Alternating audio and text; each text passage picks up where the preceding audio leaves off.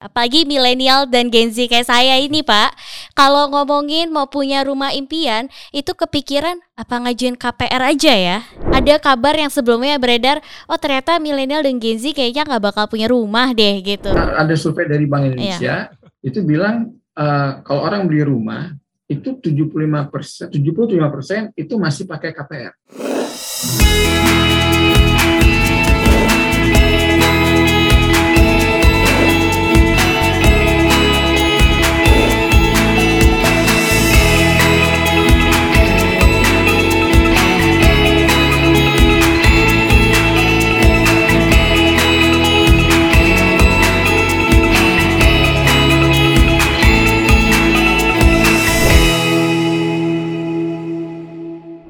Sobat BNI Sekuritas, kembali lagi kita di The Invest View bersama saya Octavia, di mana kamu bisa simak bincang-bincang hangat seputar finansial, investasi, dan juga topik-topik terkini. Halo Sobi, gimana kamu kabarnya? Semoga kamu di mana pun berada dalam keadaan baik dan sehat ya. Nah, kalau misalnya Sobi udah baca judul podcast hari ini, pasti udah penasaran ya, kira-kira The Invest View mau bahas apa sih? Dan di sini saya juga mau memperkenalkan terlebih dahulu nih narasumber kita yang super keren hari ini. Ada Bapak Nofri Roni Putra, Direktur Finance PT Bank Tabungan Negara. Halo Pak Nofri. Halo Okta, apa kabar? Pak Maksi, apa kabar teman-teman? Sobi, apa kabar? Iya. Alhamdulillah. Oke, kalau Pak Nofri sendiri bagaimana kabarnya? Alhamdulillah, sehat-sehat. Terima kasih. Oke. Okay. Nah, selain Pak Nofri yang hadir di sini, di sini juga ada partner podcast saya, ada Bapak Maksi Lesha Putra, research analis kami dari BNI Sekuritas. Halo, selamat sore Pak Maksi. Selamat sore Mbak Tafia. Oke, okay. Pak Maksi sudah siap ya untuk kita ya. bincang-bincang ya. sore hari ini? sudah siap jadi kita bisa mendapatkan view yang jauh lebih banyak mengenai Bank BTN. Betul sekali. Nah, sebelum kita berbincang-bincang lebih lanjut ya, mungkin saya mau point out sedikit nih, kira-kira pembahasan apa ya yang akan kita uh, lakukan hari ini. Nah, kalau misal kita berangkat yang namanya pengen banget nih punya rumah gitu. Apalagi milenial dan Gen Z kayak saya ini, Pak. Kalau ngomongin mau punya rumah impian, itu kepikiran apa ngajuin KPR aja ya gitu. Nah kalau misalnya ngomongin KPR, biasanya udah akrab banget nih ya namanya KPR BTN pak. Betul betul. Ya. Nah Itu tapi dulu ya. Betul. Nah kali ini saya sebenarnya nggak mau bahas KPR dulu sih. Saya tuh mau bahasnya yang punya KPR ini nih pak, ya. BTN itu betul. sendiri ya. Jadi hari ini kita mau mendalami lebih lanjut nih Pak mengenai prospek bisnis dari BTN, hmm. inovasi dan juga program-program yang lagi diselenggarakan oleh BTN itu sendiri dan mungkin kita bisa singgung sedikit ya mengenai aksi korporasi yang akan dilakukan oleh BTN. Ya.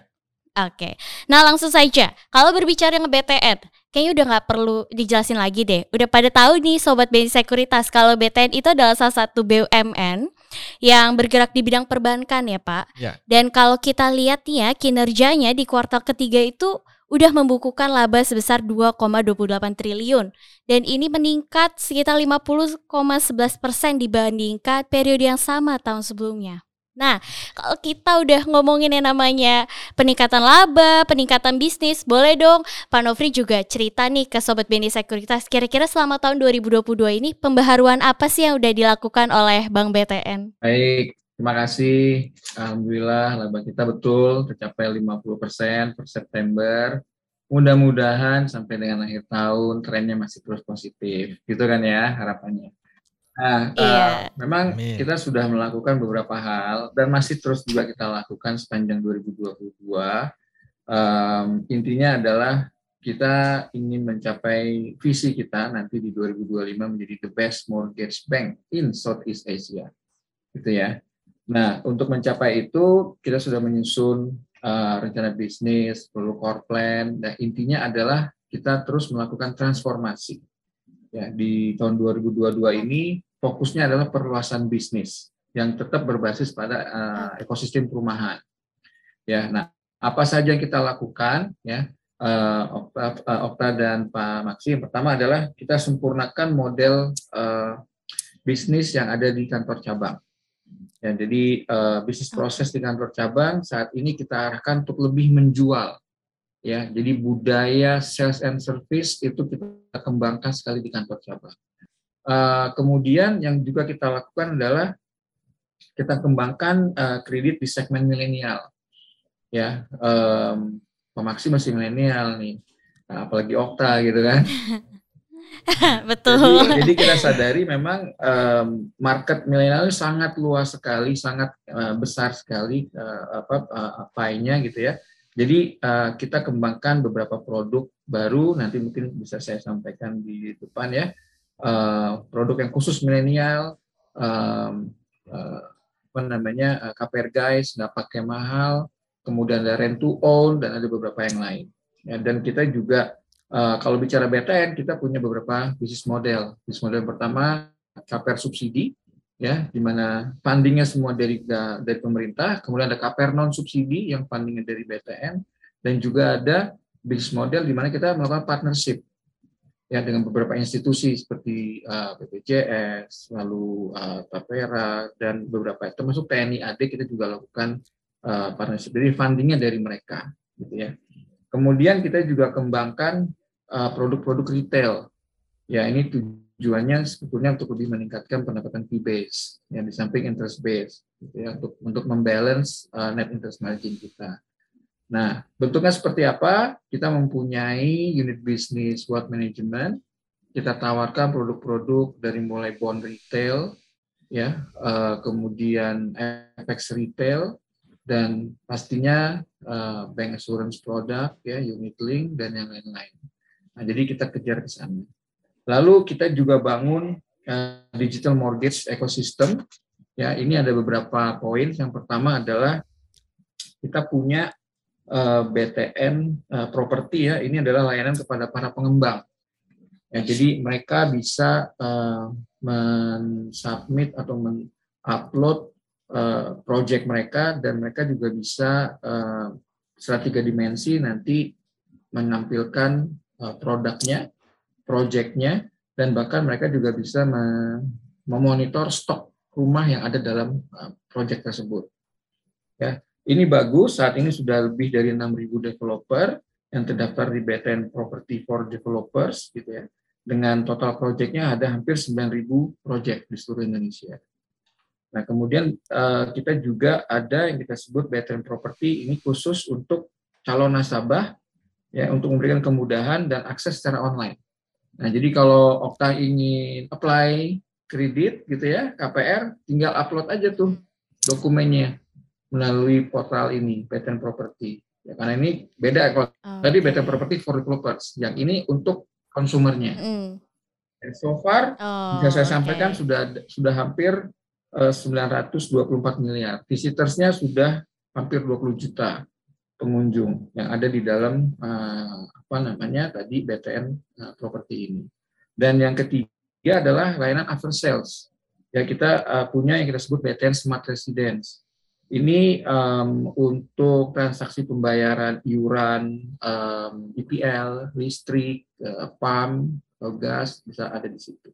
Ya, jadi ini ini adalah satu kesatuan dan ini terus kita kembangkan. Ya, dan yang terakhir mungkin uh, yang tadi saya juga sudah saya sampaikan terkait dengan perbaikan proses bisnis dan sentralisasi. Ya, jadi yang sentralisasi kita lakukan nggak cuma proses kreditnya, tapi juga proses-proses uh, seperti procurement, semua kita tarik kantor pusat. Akuntansi juga gitu. Ya, jadi yang jurnal reporting semua nanti udah kantor pusat. Kantor cabang cuma uh, pembukuan biasanya saja.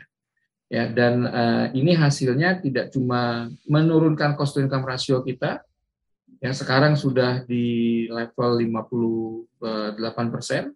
Ya. Awalnya kita masih di atas 60, nah pelan-pelan kita akan turunkan menjadi 55 dan 50 persen. Ya, NPL juga semakin bagus, ya karena tadi saya sampaikan risk manajemennya, governance-nya juga meningkat. Jadi NPL kita sekarang di sekitaran 3,5 persen.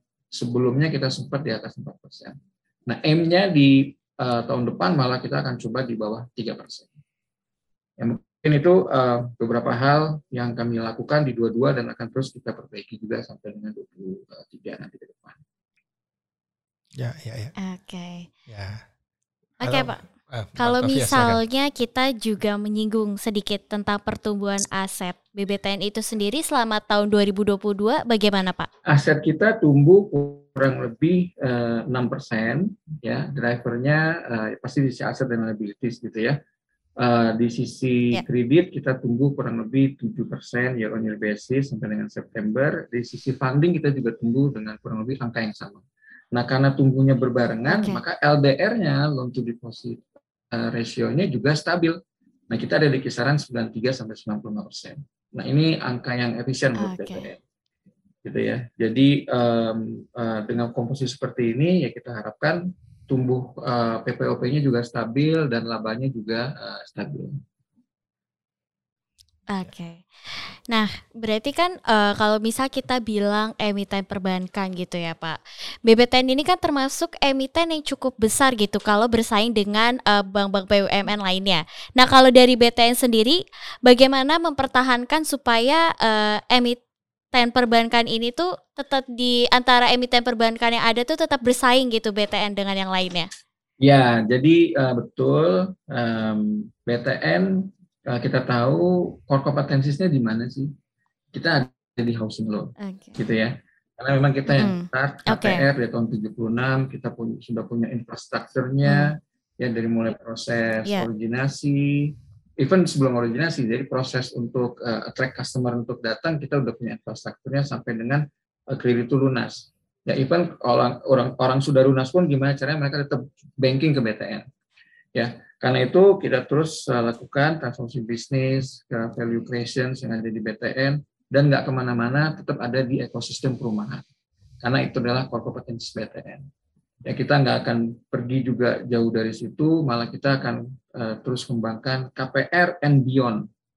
Ya jadi pengembangan okay. lebih lanjut dari produk KPR dengan memanfaatkan existing customer yang kita punya. Karena kita sudah punya jutaan uh, customer yang pernah uh, banking ke BTN dan yang existing di BTN. Dan ini adalah low hanging fruits yang um, sangat potensial untuk kita kembangkan. Ya nanti saya cerita lebih jauh okay. soal Hyatt Project dan yang lain-lain. Oke, okay, Pak. Nah, berarti kan sebenarnya uh, ke depannya dan seterusnya memang uh, BTN akan terus menguatkan pada lini bisnis ini ya, Pak. Tapi apakah ada kemungkinan nih, Pak, ke depannya ada inisiatif bisnis lain yang mau dikembangkan lagi oleh BTN? Mengingat sepertinya sekarang ini uh, mungkin kalau kita bilang sektor perumahan ada kabar yang sebelumnya beredar, oh ternyata milenial dan Gen Z kayaknya nggak bakal punya rumah deh gitu, kayaknya nggak bakal mau beli rumah gitu. Gimana tuh Pak? Nah, uh, balik lagi tadi ya, memang um, kita sadari banyak sekali milenial yang belum punya rumah. Ya, kalau kita Betul. petakan 12 sekarang backlognya 12,7 eh, juta unit rumah gitu ya. Setiap tahun kan kita tahu um, demandnya 800 900 ribu uh, supply-nya hanya setengahnya sehingga shortage per tahunnya kurang lebih 400 ribuan dan itu sudah pilot sehingga membentuk backlog yang tinggi. Nah kalau kita petakan tuh ternyata uh, banyak sekali loh yang yang demandnya itu berasal dari milenial. Kenapa? Karena pekerja okay. baru itu milenial, orang yang baru lulus terus graduate mm. baru mulai kerja. Kemudian yang baru nikah nih, yang newlywed setiap tahun sendiri ada 700-800 ribu.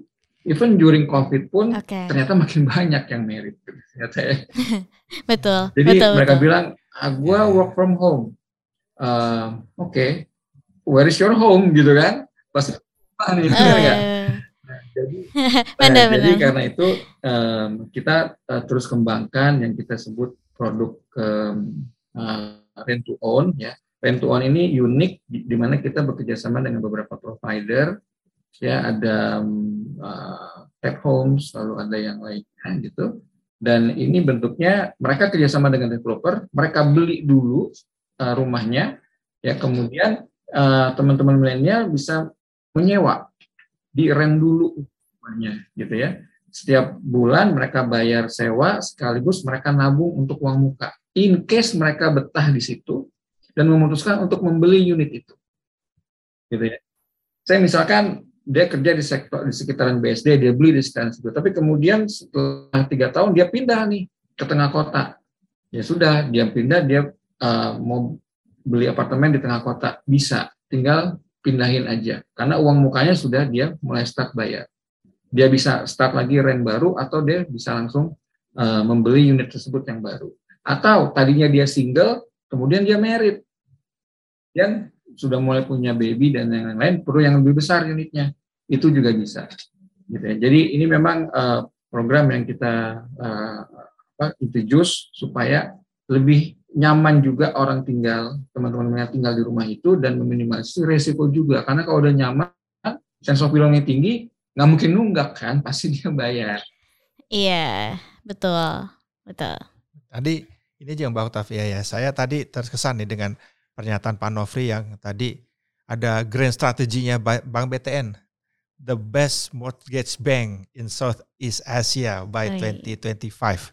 Itu suatu langkah yang sangat besar ya, suatu apa view yang sangat besar nih. Apalagi Asia Tenggara berarti nanti akan mengalahkan Singapura, Malaysia, Thailand, Vietnam dan lain-lain ya. Hmm. Nah jadi uh, Pak Nofri apa nih uh, mungkin bisa sampaikan uh, step-stepnya begitu Pak? Mungkin 2020 ya kan 2020 udah mau habis ya. Hmm. 2023 apa yang dicapai?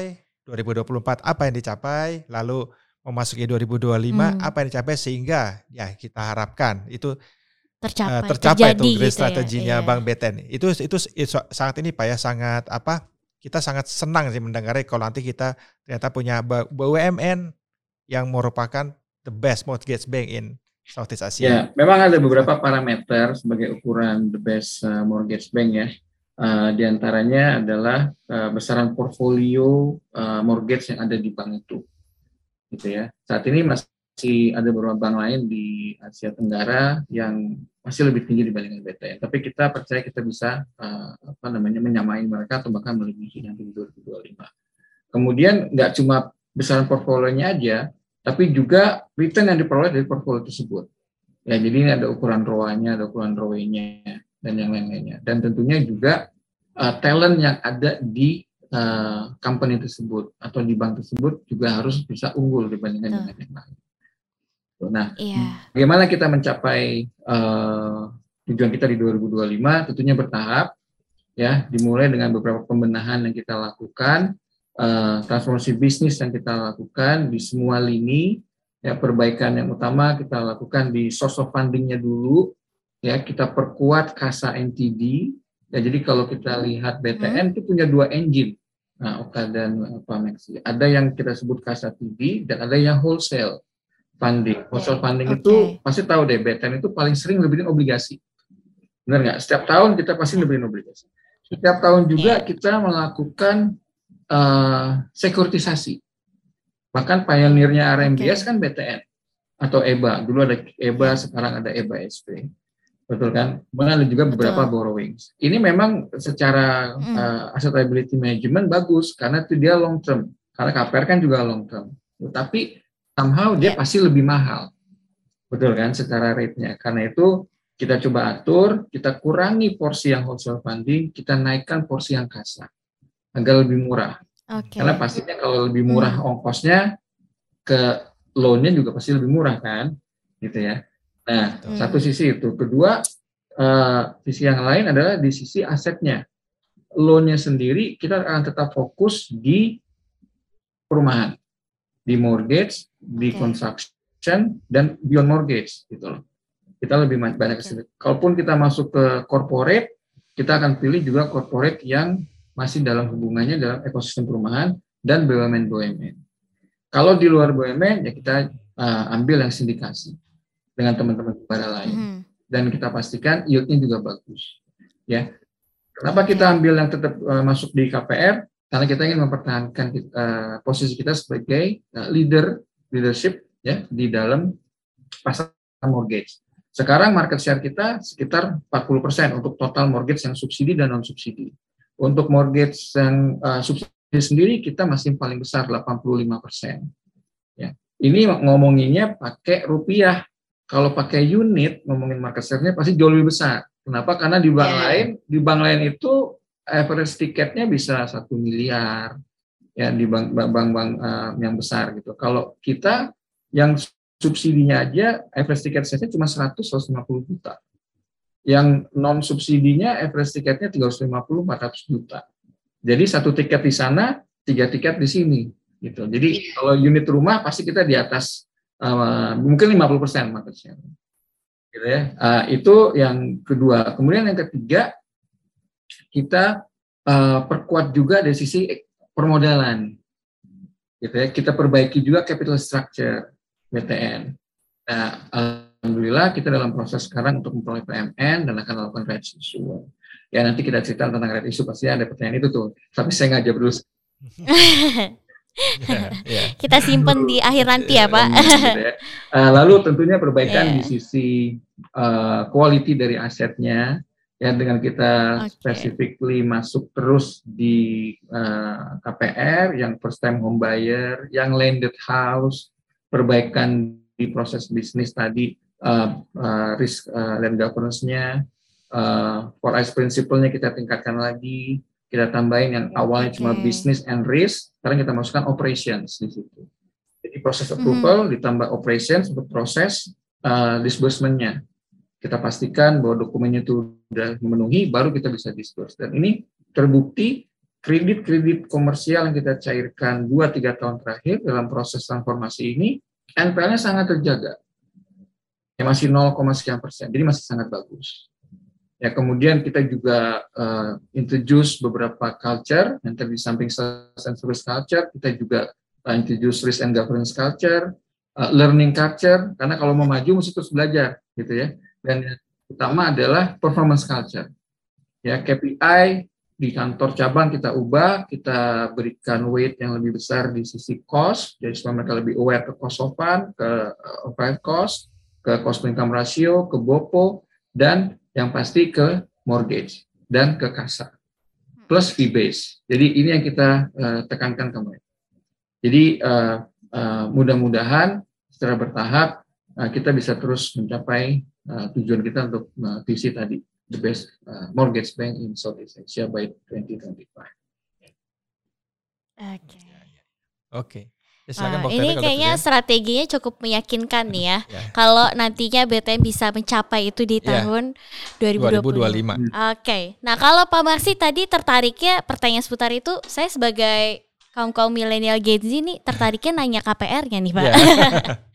KPR yang baru aja dikeluarkan oleh BTN yaitu Earn to Own ya Pak, yang baru-baru ini ya. Nah, uh, tapi kalau misalnya ngomongin soal KPR-nya itu kan udah biasa. Saya tuh mau jadi uh, menggunakan sudut pandang seorang investor yang berinvestasi di BTN gitu. Kira-kira nih Pak, kalau saya seorang investor yang uh, berinvestasi di BTN terus saya uh, mendengar BTN mengeluarkan program yang namanya KPR Rent to Own, bagaimana itu bisa meyakinkan para investor kalau program ini bisa meningkatkan kinerja bisnis BTN sendiri dan juga menguntungkan para investor, Pak? Ya, um, rent to own yang tadi saya sampaikan, memang kita introduce untuk mentap market uh, milenial yang saat ini uh, porsi terbesar dari yang backlog, gitu ya.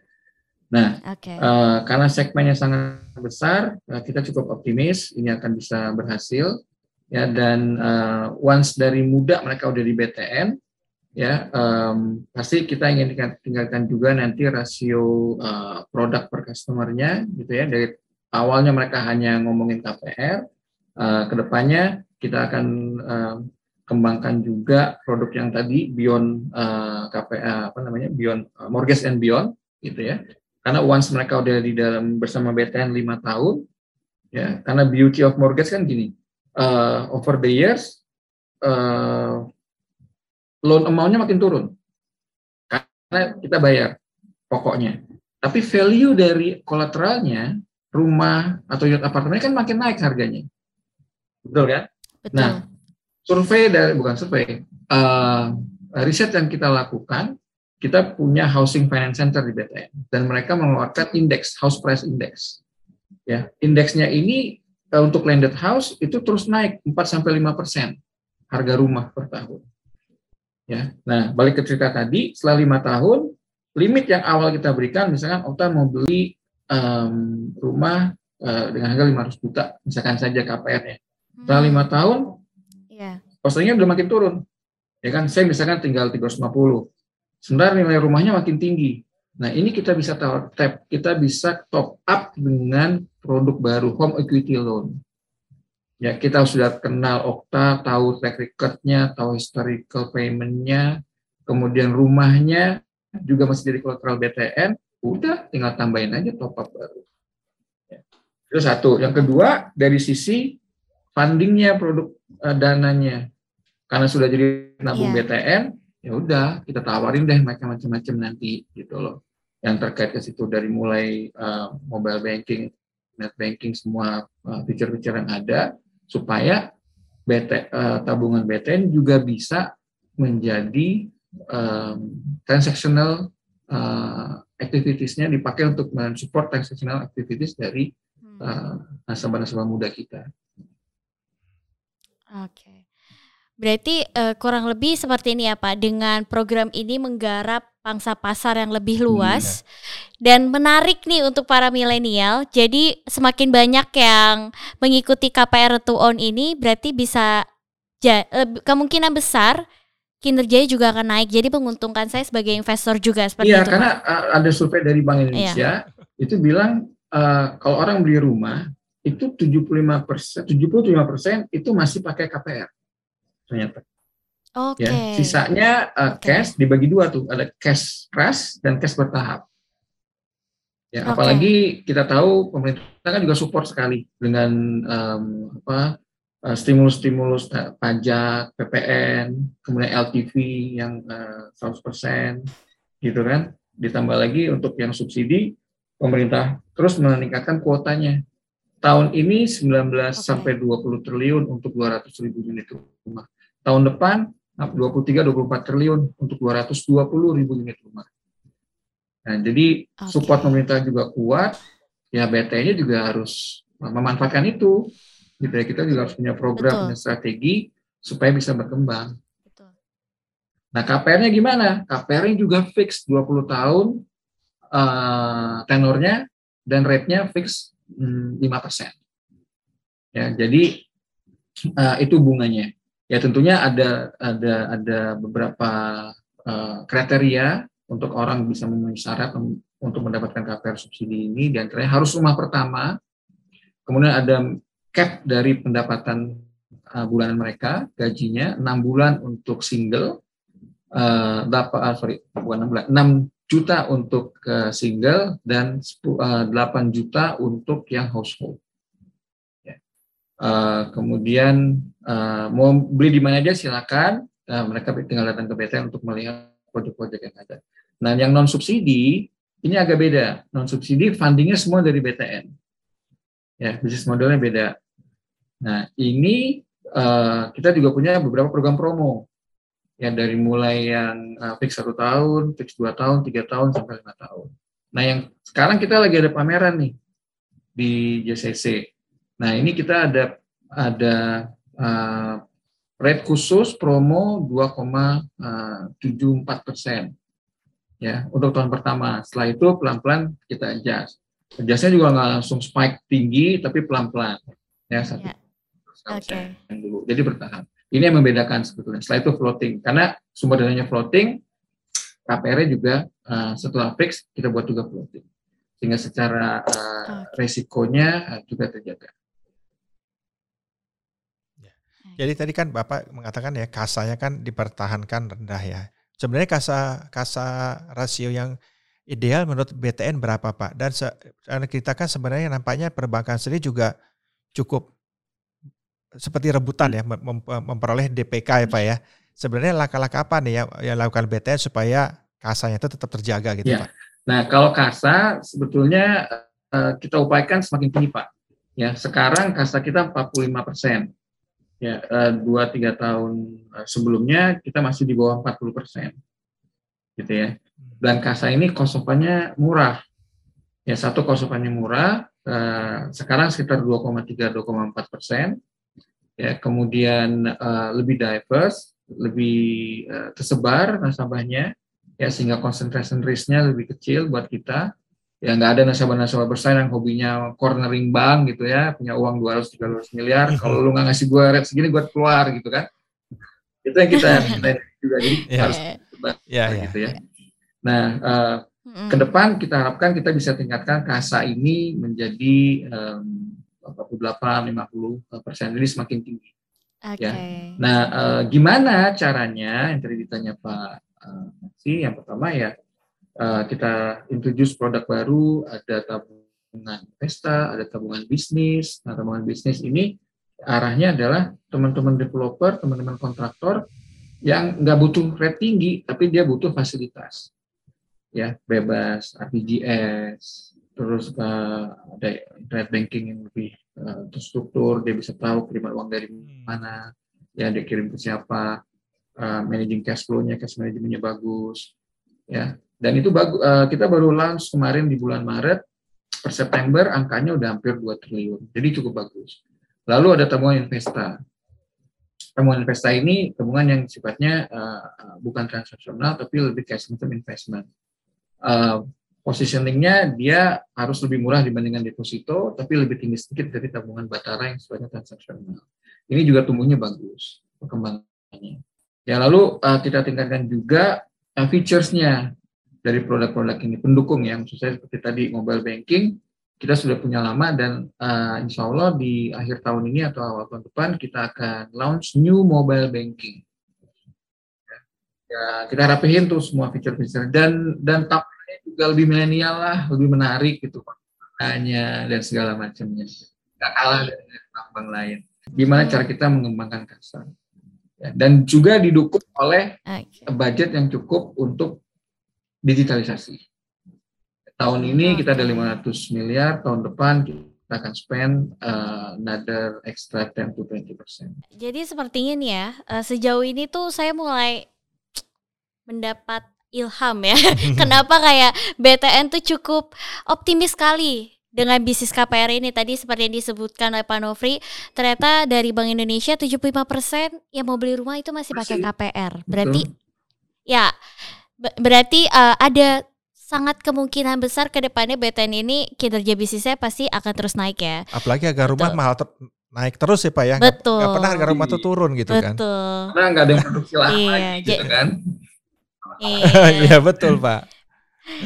Jadi harga rumah naik terus hmm. dan permintaannya pun meningkatnya terus ya, naik pasti, gitu. Pasti, ya. pasti.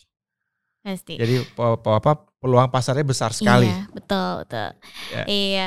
Dan tadi juga strategi-strategi yang disampaikan oleh Pak Novri itu juga sedikit banyak menggambarkan ya bahwa sebenarnya ke depannya itu BTN banyak sekali inovasi-inovasi besar yang pastinya perlu dinanti-nantikan nih oleh para investor juga ya. ya selain uh, eh, KPR Hunter gitu seperti saya sepertinya habis ini ngajin KPR ya habis dengar Pak Novri ceritain tadi iya iya iya ada pertanyaan juga nih Bang Tavia yaitu kan kita tahu nih ya Pak Novri ya Bank Indonesia kan cukup agresif ya iya. menaikkan uh, suku, suku bunga, bunga yang kita bahas iya, ya. Yang kita selalu bahas iya. ya betul. Sekarang terakhir naiknya 50 basis poin jadi 5,25 persen. Nah itu bagaimana sih uh, BTN itu dalam menyikapinya Pak Nofri? Karena yang saya khawatirkan apalagi kan BTN menyasar segmen menengah dan menengah bawah.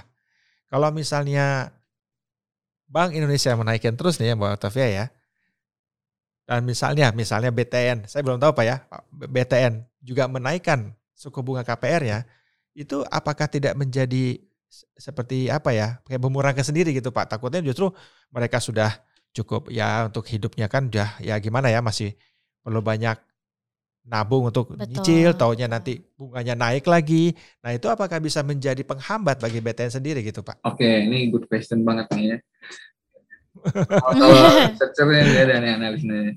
Jadi uh, betul uh, tingkat bunga reference naik gitu ya. Nah, uh, tadi kan saya cerita uh, BTN ada yang subsidi, ya ada yang non subsidi. Untuk yang subsidi karena dia sudah fix bunga uh, source of fundingnya dari government, jadi uh, dan uh, KPR-nya juga sudah fix. Jadi sebetulnya kita imun dari pergerakan uh, tingkat bunga gitu ya untuk yang yang FLPP ini. Nah, uh, sementara itu kita juga punya uh, sebagian lagi produk KPR subsidi yang skemanya bukan FLPP tapi selisih suku bunga, subsidi suku bunga SSP. Ya, ini uh, sama uh, ada subsidi juga dari pemerintah tapi bentuknya bukan dalam bentuk liquidity, dalam bentuk ke apa namanya BI 12 bulan. Rate BI 12 bulan. Jadi rate ini rate BI ini menggantikan cost of fund bank. Ya karena untuk skema yang ini BTN sendiri yang cari funding dengan cost of fund kita ya sementara KPR-nya fix 5%. Ya, sama-sama fix 5% juga di, di sisi untuk si uh, si uh, borrowers. Ya, jadi kita nggak perlu naikin bunga karena dia sudah fix 20 tahun 5 persen. Ya, kalau yang tadi yang FLPP sumber dananya fix, aman, imun. Yang satu lagi yang SSB sumber dananya dari BTN sendiri. Nah sekarang kosokan kita sekitaran tadi saya cerita 2,3 2,4 diganti oleh BI 12 bulan. Justru bagus karena BI 12 bulan sekarang naik kan. Sekarang udah udah enam persenan gitu. Malah itu menguntungkan BTN. Ya, itu kenapa kalau untuk yang MPR ya aman lah kalau ngambil KPR subsidi. Oke. Okay. Ya, oh ya. Jadi kalau tadi saya, saya khawatirkan jadi alhamdulillah tidak terbukti ya, gitu jadi, ya. Jadi justru NPL-nya ini malah sangat manageable kalau yang untuk di KPR subsidi. Ya, ya, ya. Nah, tapi dengan yang KPR non subsidi bagaimana Pak? Nah itu yang saya nah, khawatirkan tadi mungkin KPR non, KPR non subsidi ya. KPR non subsidi uh, kita bisa adjust bunganya ya. Uh, memang ada beberapa yang tadi saya cerita fix untuk ke certain period of time di depan. Ada yang ada yang dua tahun tiga tahun lima tahun gitu ya. Nah uh, kenaikan di sisi apa namanya di sisi source of funding pasti uh, naik. Ya kita udah hitung juga berapa persen yeah. dampak dari kenaikan BI rate BI ini. Lalu kita mau transfer ke loan rate nggak bisa seketika kan? Jadi pelan-pelan kita akan adjust juga. Sambil kita lihat yang mana duluan yang akan kita adjust. Ya otomatis nggak akan kita adjust existing customer kita existing loan kita tapi mungkin bunga promonya kita naikin sedikit. Untuk yang okay. uh, eh, resesi baru. Ya untuk yang teman-teman baru. Tapi ini pun uh, masih dalam pertimbangan kita Oke. Okay. Jadi kalau apalagi berarti gini Bang Tavia, kalau misalnya kan sekarang nampak lagi tren kenaikan suku bunga ya. Iya. Berarti cepet-cepet dong ngelamar KPR. Eh, nanti keburu naik lagi. nanti keburu naik lagi. Iya. okay. Tapi kalau udah rumah, nah, udah rumah kalau, bunganya mau mm. naik pun orang pasti kejar. Ya kan? Iya sih, kalau kan itu iya. kebutuhan. Ya, benar, pertama kebutuhan. Kedua kalau nggak beli sekarang, mau beli besok bunganya uh, rumahnya juga udah naik kan, harga rumahnya juga udah ya, naik. Betul. Iya. Har harga naik, terus tiket bunganya naik, naik juga, Pak. Jadi lebih bagus memang beli sekarang. Okay. Beli sekarang, okay. ya betul. Ya, nah um, sebenarnya tadi kalau kita ngomongin KPR juga ya Pak, kita kan nggak bisa menghindari juga yang namanya ada yang nunggak bayar, nah, ya, ya kan? Betul. Ada yang mungkin uh, bayarnya terlambat. Nah ini kan juga pasti secara nggak langsung mempengaruhi cash flow-nya dong dari BTN itu sendiri. Ada nggak yang membackup nih supaya BTN ini tuh cash flow-nya tetap bagus, kinerjanya tetap naik gitu Pak? Kalau untuk KPR subsidi malah kita kerjasama dengan uh, asuransi kredit. Ya, punya BUMN juga teman-teman. Uh, jadi tercover semua. Asuran uh, KPR okay. uh, non subsidi juga kita punya asuransi. Ya. Jadi oh. sebetulnya uh, cukup manajemen uh, manajemen uh, sorry manageable dari okay. sisi NPL-nya. Ya di samping itu uh, aktivitas um, apa namanya aktivitas kita untuk memastikan pembayaran lancar ya monitoring kredit juga berjalan dengan dengan apa uh, dengan sustain gitu. Dan kita kan okay. ke landed house ya uh, dan tiket size-nya juga nggak besar. Jadi kebanyakan memang yang beli di uh, ngambil KPR BT itu first time uh, buyer. Gitu. Okay. Okay. Jadi even during uh, kemarin pandemi gitu ya begitu mereka batuk-batuk uh, beberapa harus di restu. Nah begitu selesai nih sekarang udah mulai orang udah mulai keluar kan, ekonomi udah mulai jalan nih, kan? Cash flow udah mulai membaik. Nah itu udah mereka udah balik lagi bayar. Jadi enaknya main di perumahan tuh sebetulnya itu sangat sangat manageable sekali oh. NPL-nya. Nah, untuk yang um, kemarin kita ada problem di commercial loan yang uh, high rise, itu kita mulai tinggalkan, gitu ya. Jadi kita fokus sekarang lebih banyak ke landed house atau high rise yang merupakan program pemerintah seperti TOD, Transit Oriented Development hmm. yang dibangun di stasiun-stasiun kereta, dimulai dari Depok, Lenteng Agung, terus sampai uh, ke Jakarta. Ini kan banyak pro, uh, apa tower-tower baru di sekitaran rel kereta api. Nah, itu kita biayai juga dan NPL-nya juga bagus okay. terjaga. Oke. Okay. Oke. Okay.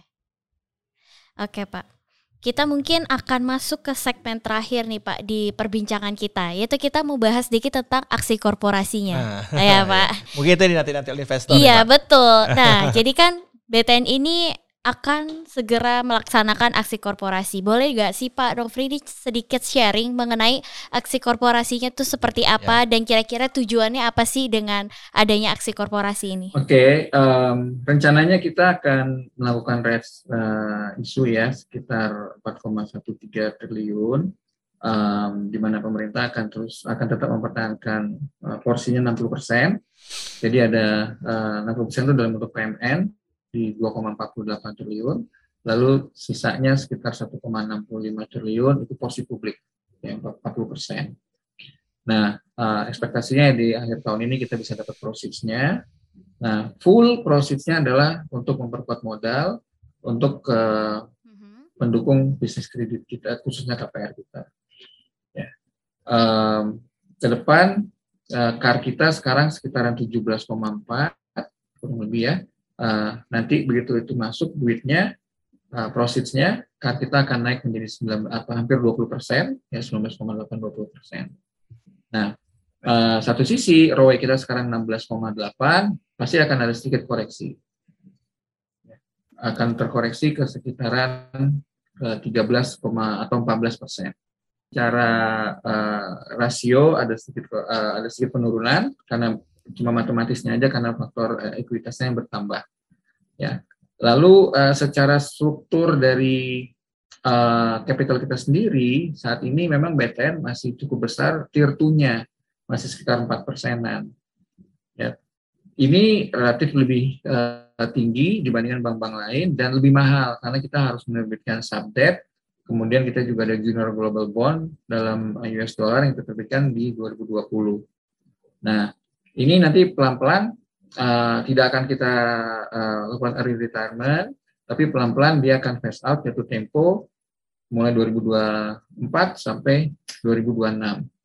Ya, sehingga nanti uh, di uh, 2025-2026 kita akan lihat struktur modal lebih uh, uh, kokoh, lebih uh, kuat dan lebih murah untuk BTN di mana tier 2-nya akan berada sekitar satu persenan, jadi at par dengan teman-teman bank lain, dan tier 1-nya juga akan lebih kuat di sekitaran 16-17 persen.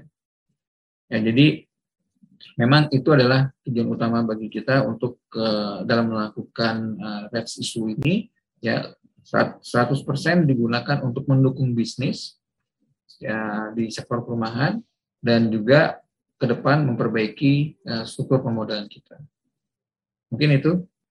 Terima kasih Pak. Ini uh, jawabannya nanti akan memberikan pencerahan nih kepada investor bagaimana nanti apalagi itu kan red issue dalam jumlah yang sangat besar ya 4,13 triliun. Betul. Dan itu uh, investor kan ingin tahu benar sebenarnya uang sebanyak itu untuk apa saja. Nah, dengan penjelasan Bapak tadi itu kan jadi mereka bisa lebih yakin. Ya Pak Mas, kita udah uh, kan 165 ya porsi publiknya yeah. nih untuk existing shareholder yeah, ya. Yeah kita kalau saya yeah. boleh share, kita kemarin sudah keliling juga ke beberapa uh, shareholder kita yang ada di uh, luar dan ada di dalam. Kita keliling ke US, ke Eropa, ke Asia, uh, dan juga lokal. Ya, hasil uh, roadshow-nya uh, feedbacknya bagus, feedbacknya positif. Kita udah ceritakan, yang tadi saya ceritakan juga ke teman-teman bagaimana BTN saat ini dan ke depan. Uh, dan untuk apa digunakan uh, proceeds dari isu ini. Ya, jadi kalau uh, dan satu lagi secara valuasi kan kita masih menarik gitu ya. Sekarang aja kita masih below one kali satu kali uh, eh, PBV gitu ya. Ke depan uh, ditambah lagi pasti akan ada diskon untuk yang rights-nya. Nah, jadi betul tadi Pak Mas bilang ini saatnya untuk uh, masuk ke, ke BTN gitu ya. Yeah. Oke. Okay.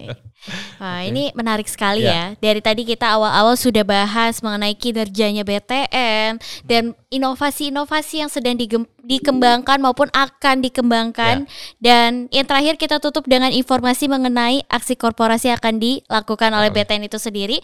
Semoga informasinya bisa bermanfaat nih untuk sobat BNI Sekuritas yang menyaksikan uh, podcast kita hari ini ya. Dan mungkin kita akan tutup obrolan kita hari ini. Pak Novri, terima kasih untuk Pak Novri untuk kesediaan waktunya sudah hadir di sini dan terima kasih juga untuk Pak Maksi sudah menemani ya. saya di podcast sore hari ini. Dan jangan lupa untuk sobat BNI Sekuritas kalau misalnya nih kamu tertarik untuk uh, berinvestasi di BTN Jangan lupa investasinya melalui Beyond by BNI Sekuritas ya. Dan kamu bisa melihat informasi lengkapnya nanti di Instagram BNI Sekuritas 46 ataupun beyond.official. Jangan lupa untuk like dan subscribe YouTube channel BNI Sekuritas supaya kamu nggak ketinggalan episode terbaru dari The Invest You dan The Investor ini bisa kamu dengarkan juga di Spotify. Jadi kalau kamu lagi pergi atau lari pagi atau lagi jalan pulang kantor, kamu masih bisa dengerin podcast hari ini loh. Dan jangan lupa juga untuk follow sosial media accountnya BNI Sekuritas di Instagram, Twitter, LinkedIn, dan juga YouTube. Dan untuk sobi semua tetap jaga kesehatan fisik, kesehatan finansial, dan tetap berinvestasi. Pastinya investasinya dengan Beyond by BNI Sekuritas. Sampai jumpa kembali di episode Invest selanjutnya.